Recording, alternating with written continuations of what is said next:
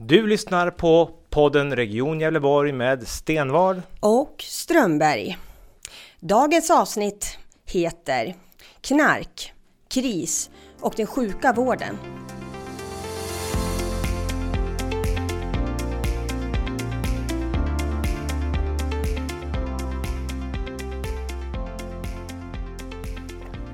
Välkommen till det sjätte avsnittet och det första för, för i år. Camilla, hur, är, hur har julledighet och allt varit? Ja, tack Patrik för frågan. Eh, den har varit lite blandad. Eh, det började med eh, julhelgen, så bemannade jag förlossningen och sen så över nyår så var jag på en resa. Och sen så inledde jag det här nya året nu, tillbaks till jobbet med en influensa. Så de är ju på fötter igen här.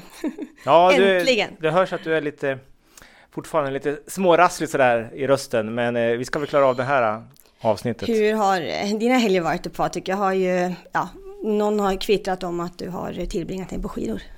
Ja, vi har ju en, en, utmaning framför oss. Att, eh, ja, jag har åkt faktiskt lite skidor under nyårshelgen sådär, men eh, mm. det går ju inte att åka skidor i det här vädret som vi har i Gävle där vi håller till, utan eh, då får man bege sig någon annanstans. Att, nej, men så lite skidor har det blivit då.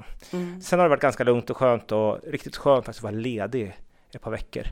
Men vi har ju varit igång här nu i det här året ett par veckor och eh, med det vanliga arbetsbestyret som är att vara politiker med besök och politik och, och diskussion och sånt. Så att, eh, Precis, och jag minns att i förra avsnittet, det sista avsnittet på förra året, så hade vi, utlovade vi en utmaning här va? Att vi skulle eh, delta i stafettvasan. Eh, hur går det med den biten? Vi har, vi har, också hört talas om att det duckas här från majoritetens sida. Ja, vi har ju inte hört någonting från dem än om de antar utmaningen, så jag vet inte riktigt. Och du har ju själv varit på och eh, påmint om att mm. nu, nu finns en utmaning här att anta, men vi har inte hört något så att eh, men sista ordet är inte sagt än. Det är en, en bra tid kvar och eh, mm. För det kanske inte ens finns snö så det blir någon Vasalopp heller så det får vi se. Det kanske löser sig. Dagens avsnitt ska ju handla om ett väldigt eh, kontroversiellt och polariserat ämne. Det handlar om sprututbyte och om eh, lågtröskelmottagning. Camilla, nu får du reda ut det här för oss. Vad, vad, vad rör det här sig om egentligen? Mm. Precis, vi kan ju reda ut de här två begreppen. Sprututbyte är ju en del i lågtröskelmottagning som är eh, där det finns två huvudsakliga syften. Det ena är att förebygga och begränsa spridning av blodsmitta, alltså hiv och hepatit. Ehm, och, och det gör man genom att man byter ut sprutorna? Jajamensan. Man kommer med sina sprutor och får eh, tillbaks nya, eh, sterila. Och vilka är det som ehm. kommer med sprutorna här? Det är ju initierade narkomaner och vi uppskattar väl att det kan röra sig om 300 stycken i vårt län. Ehm, det förekommer också, vad vi har hört, att man faktiskt har fått tillbaka fler sprutor än vad man har lämnat in. Så det finns ju en del problematik kring det här och eh, som du sa, ett kontroversiellt ämne. Eh, jag kan också tillägga att vi har ett beslut fattat i Region Gävleborg att eh, det ska öppnas en sån här mottagning och det har ju i nuläget blivit framskjutet. Ehm, det har vi om, avhandlat de två viktiga begreppen. Eh, Patrik, du har ju träffat en nyckelperson i det här som, som kan en del och som har en, en egen erfarenhet också utav att vara beroende av, eh, av knark. Vad säger du Patrik? Ja, det stämmer. Jag träffade tidigare i veckan eh, Billy från organisationen KRIS som eh, berättar om sina upplevelser, sina tankar kring eh, just det här kontroversiella frågan om sprututbyte. Och han kommer också komma in på lite andra intressanta frågeställningar också. Men vi kan väl lyssna på det här så får vi återkommer vi efter och gör vår reflektion över vad som sägs. Välkommen hit och Billy och du får gärna berätta var du kommer ifrån. Från KRIS, vad är det för någonting? Det är kriminellas revansch i samhället. Mm. Och vad gör ni? Vi, vårt huvudsyfte är att uh, gå på anstalter, motivera människor och att komma till oss istället för att gå tillbaka till sina gamla kompisar och fortsätta missbruka och begå brott. Så ni kan säga ni stöttar dem som när man kommer ut ifrån fängelse så är ni där och stöttar ja, och, så man landar in rätt? vi kan hämta dem när de muckar ja. och liksom ta dem till föreningen. föreningen det blir ju en eh, ett ställe där man eh, inte finns något prat om brott och droger och så här, utan det, det är fritt ifrån det. det liksom man kan koppla av där inne. Det kan man, man kan säga att det blir som en landningsbana när man kommer ut från en anstaltsvistelse och liksom för att komma tillbaka in i samhället. Man kanske har varit där i 20 år, åkt in och ut på fängelse och så här. Så man behöver en ganska lång tid för att kunna bygga upp ett socialt nätverk och, och skaffa sig kanske ett arbete. Kan man ha praktik hos oss eller i vissa fall bli anställda då. Och vi som jobbar där, vi har varit där själva så vi vet precis vad det är frågan om. Mm. Vi stöttar dem och hjälper dem. Kan de inte gå till socialtjänsten utan att de blir tokiga på socialarbetaren så följer vi med och är som en tredje part i det hela då. Som... Det är jättebra. Vi har ju som sagt, du berättar ju att ni har ju själva varit i det här och så kommer man ut och försöker hitta ett annat sammanhang. Och det är därför vi bjöd in dig idag. Vi ville liksom lyssna utifrån den fråga som är aktuell nu. Det är ju det här äh, sprututbytesprogrammet som regionen tänker sig börja med, eller man kallar för lågtröskelmottagning. Och det innebär att man ska eh, få erbjuda våra missbrukare få sprutor, man får byta ut sin spruta och på det sättet kunna få kontakt med dem. Hur är dina tankar kring en sån verksamhet? Jag tror inte på det. De säger att man ska få sjukvård och grejer. Jag tror nu, kommer man dit så är man där för att hämta sina pumpar och kanyler, inget annat. Man, man hjälper dem bara mer. Finns det ett intresse av att byta överhuvudtaget? Jag har förstått att man inte alltid är bryr sig så mycket om huruvida man har rena verktyg eller inte. Nej, man avtänd och så här så skiter man fullständigt i det. Då är det viktigast att få i sig. Inte orkar man gå till sjukhuset för att hämta pumpar och kanyler. Mm. Nej. Och sen tror jag också att det kommer att sluta med att det, det delas ut för mycket och sen så blir det kastat i buskar och så här ligger det pumpar och kanyler som skolungdomar, dagisbarn kan sticka sig på. Har du ni kontakt med eh, andra motsvarande organisationer i andra län? Hur fungerar det där? Där det finns sån här sprututbyte. Hur, har du någon... Du menar KRIS? Ja precis, KRIS finns ju på andra delar och ja, jo, jo, där man har de här verksamheterna. Jo då, det har vi. Och eh, alltså... Eh, var det Kristianstad då? Där eh, var det eh, LARO-programmet och eh, sprutbytesprogrammet. Det låg dörr i dörr så här. Och LARO det är där man får en medicinsk eh, ja, substitut man, för? Ja, just det. metadon och Subutex. Subutex ja. Och Subusone.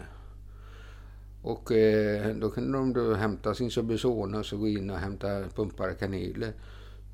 Och, men man ska ju inte skjuta det eller injicera det. Utan det är Och de som bara inte hade det utskrivet, de vart hjälpta att få Subisona och, Subutex. Alltså även fast de inte hade fått det utskrivet. Så, här. så där, det finns jättemycket sånt här som man kan diskutera om när det gäller det. Men alltså, det är ju jättebra om de månar att de ska få sjukvård och så här. Och, och de som nu då där det fungerar. Mm, Okej okay då. Sjukvård kan ju vara bra men eh, ja, jag vet inte. Jag tycker det blir fel att dela ut någonting som man egentligen inte får använda. Mm. För och det sen, är ju faktiskt olagligt. Och sen är ju då nästa steg i frågan och det väl, har vi redan börjat höra lite grann också. Man ska ha fixrum, det vill säga du ska också ha lokaliteter där du kan injicera drogerna ja. för en steril, medicinsk bra miljö. Ja, jo. Det är väl nästa steg som jag känner i alla fall. Ja. Och då blir nästa fråga så här, ja, då blir det ju att ja, Wikström, ja okej då, då alltså de, jag vet att de har i, i planen, fast Sverige inte är redo för det än, men alltså heroinet kommer de ju börja dela ut istället för Subutex. Okej, okay. ja. så man går direkt på? Ja. Ser du att det finns några fördelar med sånt här program? Kan du... Alltså, ett mynt har ju alltid två sidor. Ja, precis. Alltså, eh, det, vi, vi, är inte emot det så. Eh, jag menar, om, det finns alltså människor som kanske har varit i missbruk 20-30 år och liksom provat allting. Och varför inte då över en övergångsperiod få eh, Subutex eller Metadon då. För det som, som det är just nu så, så är det så här, kommer de och säger nej men jag vill sluta med det. Nej, nej det går inte. Så här. Det får du göra på egen hand säger de då. Och ja, man blir ju jättesjuk. Mm. Ja. Och kommer du då, ja, ja, du kan ju få här. Liksom så att det, man hamnar i en återvändsgränd. Och då, om man tittar på, alltså jag om man tittar på eh, opiaternas historia så, eh, så 1856 sker den första injektionen i världen och det är just med morfin. Mm. Vilket resulterar i att eh, det blir morfinister. 1898 lanseras heroinet. Vad skulle de ha det till? Jo, de skulle bota de här morfinisterna med det. Mm. Sen hundra år senare, ja då har vi massa heroinister som behöver hjälp. Eller opiatmissbrukare. Mm. Ja, då kommer vi med ett annat medel som är ännu värre än vad heroinet är. För att det, jag har pratat med många inom vår organisation som har gått på heroin och, så här, och varit inskrivna i LARO-program och så här. Så de säger så här att ja, det var bättre att gå över på heroinet igen för, och så gå på det ett tag och sen tända av. Mm. För alltså avtändningen på det, det här läkemedlet då som de får, det är fruktansvärt. Alltså, det mm. tar månadtal innan de blir människor igen. Och det är väl heller inte riktigt syftet, men det är på något sätt livslångs behandling som det ja, blir. Ja, det är ju tänkt att det ska vara livet ut. Ja, mm. ja eh, vi får se ifall det blir någon eh, av det här i, i Gävleborg. Man pratar ju om att man ska starta upp en, en, en lågtröskelmottagning här i Gävle. Och då förväntar man sig då att länets missbrukare ska ta sig ner hit för att byta sprutor. Och jag, vi har ju ganska stort län. Ja, ja, är det realistiskt att tro att man kommer ta tåget ifrån Ljusdal och åka ner hit för att byta sprutor och åka tillbaks igen? Eller är det... Ja. Eller blir det de här som är i närheten här eller kommer man samla missbrukarna så att vi, vi samlar dem här nere i Gävletrakten istället för om det nu skulle vara så att man vill ha kontakt? Ja, det är bättre att åka några mil till och så åka till Norge då och ja. köpa på apoteket direkt. Ja. En hundalåda mm. och köra tillbaka. Mm. Ja, man, man löser på annat sätt i så fall. Ja, ja, ja. ja det är klart, någon gör väl det. Ja. Men alltså, tanken är, jag vet inte hur de tänker, hur många man ska få och så här. De kanske får tio åt gången. Eller ska de lämna in de gamla eller? Hur har de tänkt?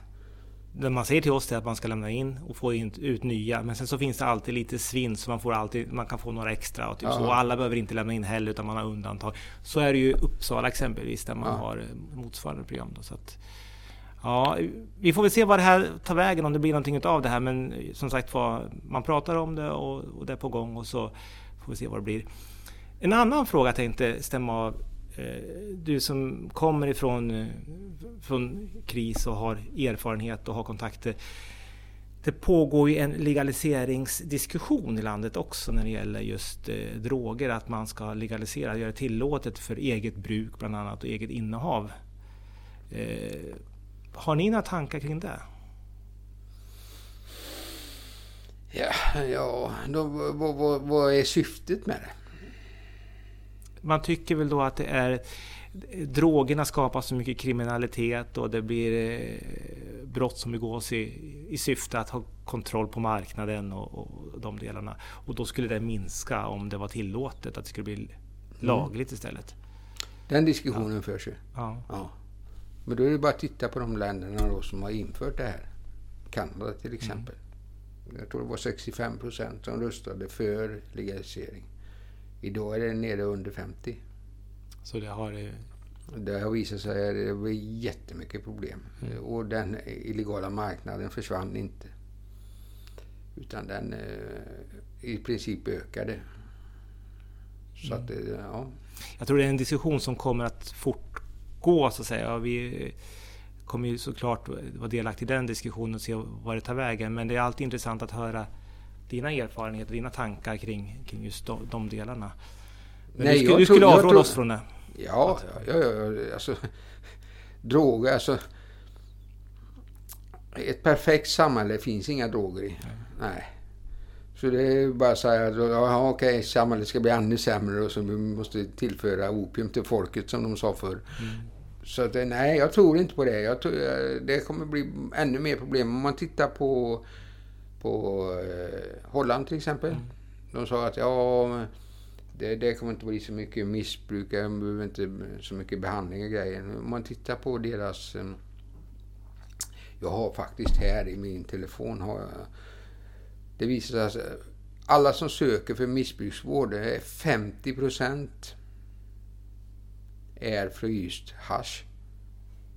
Så att, och mm. så alkoholen, det ska minska med alkoholintaget. Mm. Men det är alltså, de, okej, okay, de dricker en öl, de röker och sen dricker de fler. Alltså det, det stämmer inte. Det är bara ursäkter. Vill man gärna ha något så, som, som missbrukare så, så hittar man allt annat. Men det stämmer inte när det väl kommer till kritan. Vi vill ju alla minska missbruket och få bort det här. Och ja, jag, jag, tror att det kommer att öka det istället. Vad är, hur ska vi göra för att minska missbruket och de problem som det innebär? Vad har du för tankar kring det? Vad, vad ska vi göra istället? Om man ska titta på det, alltså, det här är nog ett gigantiskt arbete. Och det är liksom, för det första måste den bli mycket hårdare. Mm. Och det måste börja mycket, man måste börja i sko, eh, innan skolan. Mm. På dagis nästan. Och liksom titta på... Och I liksom, familjerna och de... Ja, och familjerna, men alltså attityden mm. gentemot varandra. Tror jag bygger mycket på. Mm. Mm. Hitta, minska inflödet av nya missbrukare helt enkelt. Och ja, de som väl är där så är det, handlar om att ta lite hårdare tag mot... Ja men grejen är man, eh, man i, i skolan redan, där... Eh, jag har en son nu, han är 16 år. När, han gick, började första klass så... Det tog 14 dagar så kom de och sa till mig, du, han behöver nog gå om nollan. Nej, varför det då? Ja, nej men det kommer inte, han är omogen och eh, han kan inte vara still och så. Ja, han, ja men då får ni ju hjälpa honom då och ge honom en, en, en assistent. Mm. Ja, vad har han för diagnos då? Ja, jag vet. Eller, jag är hundra på att han har eh, ADHD. Mm. Sen kanske han har mer, men det vet jag inte. Har du papper på det? Nej, det har jag inte. Men eh, jag ska gå till BUP med honom. Så här. Och sen var jag på BUP och eh, ja, han hade ADHD och sen hade han eh, Sharp Weiss i vänster hjärnhalva, skarpa vågor i vänster hjärnhalva då. Vilket gjorde att han, eh, vad ska man säga, förspel till eh, epilepsi. Mm. Mm. Som han då fick medicin ifrån för att dämpa det här. Och det kommer nog växa bort också sa de. Så att, eh, sen hade han en eh, diagnos till och det var att eh, när han eh, fäste an vid någon så var det väldigt svårt att bryta det.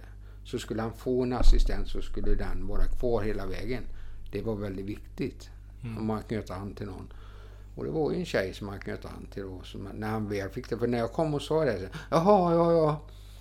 Ja, vad får han fått för medicin då? Nej, han har inte fått någon medicin. Ja, frånsett det där och epilepsiförstadiet. Mm. Det hade han ju fått, men eh, de menar på mot sin ADHD då. Och då sa han, nej, jag är gammal amfetaminist, hans mamma är det, så jag tänker inte ge honom någon amfetamin. Liksom. Sen kan vi säga, när han blev äldre och kunde förklara mm. att, han, att det var som tusen tåg i huvudet. Liksom. Mm. Han visste inte vilket han skulle hoppa på. Ja, då, då okej, okay. jag chansar. Och så får han ta medicin då. Så då har han Ritalina. Vilket det fungerar bra. Ja, vad skönt. Ja. Men jag är ju väldigt vaksam på så att han liksom inte vill mm. ha mer och så här. Utan han tar sin medicin som han ska ta sin medicin. Och sen så när han gick i fjärde klass, då funkar det inte längre i skolan alltså, för det spårade ur precis. Då eh, gjorde jag det valet att eh, låta han flytta till sin stödfamilj istället, där de kunde hjälpa med skolarbetet. För jag var dyslektiker, eller är dyslektiker. Mm. Jag eh, kan ju inte hjälpa honom då. För när han kom hem med läxa så sa han, pappa hur stavas det här? Ja, hmm, jag tror så här. Och det är jättebra liksom om man kan ge dem rätta svar då, som är kanske fel, det jag så tror att det stavas. Ja, så det kunde jag inte hjälpa henne. Så jag sa, nej, du får nog fråga fröken. Och sen eh, kom han med matematik och ja, men det här kan jag hjälpa dig med. Ja, så började vi ställa upp ett tag. Men så det ska man inte göra. Aha, ja, då har de bytt det. Ja, ja, då kunde jag inte hjälpa med det heller. Och då förstod jag att det här kommer aldrig fungera. Och jag vill absolut inte att han ska gå samma väg som jag. Så att, eh, det hänger ju ofta ihop det här att man har det i en komplex sammanhang och de tidiga, tidigt stöd i skolan så kan man ja. hjälpa till eh, att undvika att hamna fel men också eh, Ja, och men sen så har ju skolan också en väldigt... Eh, så här, ja, ja, har han ingen diagnos kan han inte få hjälp.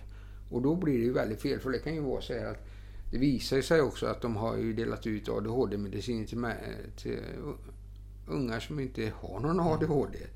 För att skolan säger att ja, de måste ha det här för att han ska få hjälp. Och ja, som förälder så är det så här, ja, jag gör allt för mitt barn. Ja, ADHD, okej. Okay. Slå på nätet där. Ja, mm.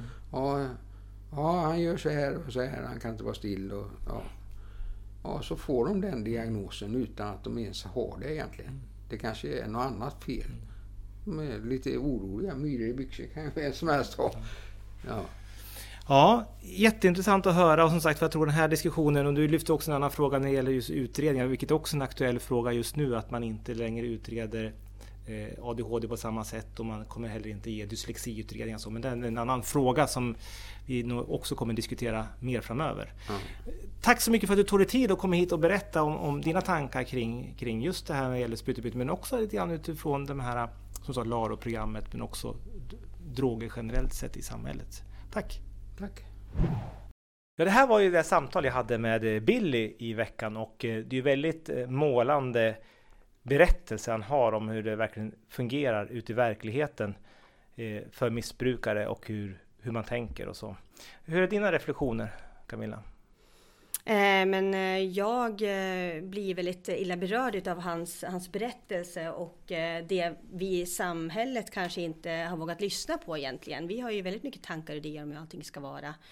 Jag tror att det är väldigt viktigt att lyssna på tidigare missbrukare och även anhöriga som har levt med sådana personer. Jag tror att de bäst kan beskriva också vad man behöver. Han målar ju också upp en väldigt tydlig bild på att det är en väldigt stor fråga. Det rör sig egentligen inte bara om det här sprututbytesprogrammet. Mm. Det är så mycket mer. Han berättar om hur hela eh, det här medicineringen går till med Subutex och Metadon för att på det sättet eh, ersätta det illegala knarket med som de, KRIS brukar säga med det statliga knarket mm. eh, som inte heller fungerar. Där försörjer vi faktiskt eh, missbrukare med droger från, från vården som de kan fortsätta missbruka. Och är det rätt eller fel? Det är mycket etiskt. Det är en jättesvår fråga mm. och eh, också väldigt kontroversiell så det mm. hänger ihop då. Men sen är jag också inne på det här tydliga hur det är utanförskapet. Alltså mm. att det är utanförskap som skapar missbrukare. Mm. Eh, han kommer in på det här med eh, ADHD och dyslexi-frågan. Mm. Och det har ju vi redan sett att man eh, minskar ner de möjligheterna för utredningar ja. för att få rätt hjälp. Och där kan man ju säga i stora sammanhanget är egentligen den enkla biten att ta tag i. För det Precis. vet vi ju. Och då får man bort mm. nytillförseln av, av nya missbrukare. Precis. Så att det, det, tror jag är, där har han en viktig poäng, att man, det är där man måste börja jobba långsiktigt. Mm. Men sen hör vi också att det här själva sprututbyte, de här programmen, det funkar ju inte i verkligheten. Missbrukarna tänker ju inte så som de som är förespråkare förutsätter att de gör. Mm. Ruset är så, eller suget är så pass stort mm. så att man bryr sig ju inte om sprutan är ren eller inte. Det är bara här och nu som gäller. Mm. Så att jag tror det där är mm. och det här med att man skulle kunna få kontakt mm. och få dem att, att mm. sluta missbruka. Mm. Tror inte han heller kommer funka riktigt. Nej, precis. Och, eh, men ja, det är just den här sprututbytesgrejen, verksamheten som jag, det känns som att han är lite mer kritisk till. Men, men däremot eh, eh själva låg, eh, tanken kring lågtröskelmottagning, att man, att man får en kontaktyta är ju bra. Därmed är det sagt eh, att det inte behöver ligga just liksom precis i slutenvård utan det kan ju vara var helst, var helst i länet. Förslagsvis kanske mitt i så att det blir tillgängligt för alla. Sen finns ju det här också att det finns ju andra förslag på hur man kan mm. Få kontakt med de här eh, personerna. Mm. Och det handlar ju om att man kan ha uppsökande verksamhet. Eh, mm. Man söker upp missbrukare i den miljö de är. Du kan ha en mobil enhet som också finns där missbrukarna finns. För det är ganska, det hör vi också, det är ju inte självklart att man som missbrukare i länet ska sätta sig på ett X-tåg och åka ner till mm. Gävle för att byta sprutor och där få kontakt. Utan det funkar ju inte riktigt på det sättet.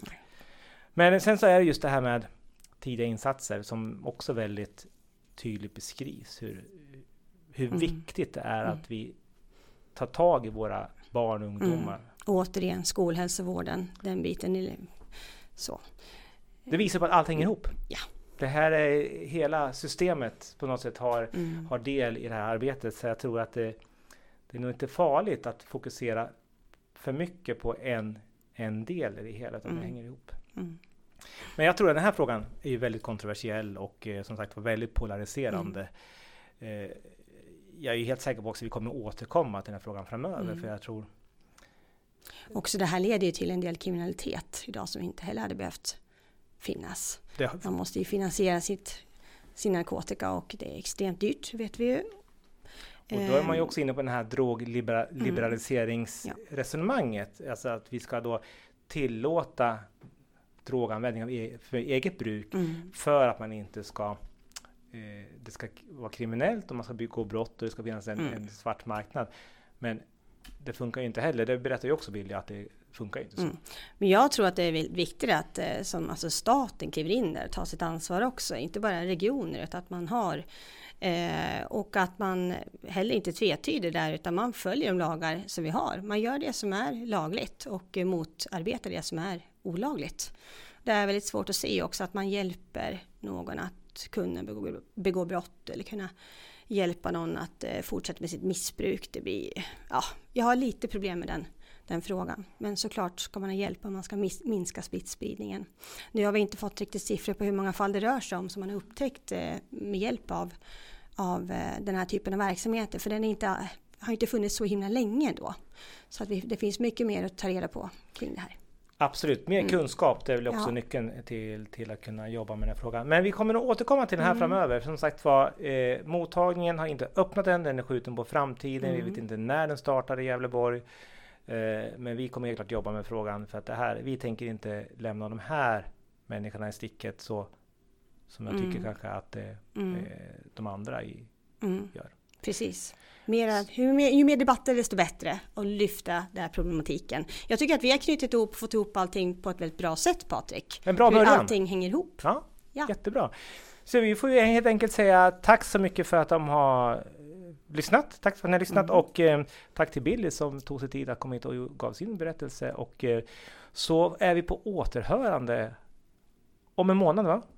Det brukar bli så. Då kör vi igen. Sista torsdagen i varje månad brukar vi kunna sända. Och vi finns på sociala medier såklart. Eh, Stenvard och Strömberg heter vi ju och eh, vi finns på Facebook. Samt eh, vår nystartade Instagram.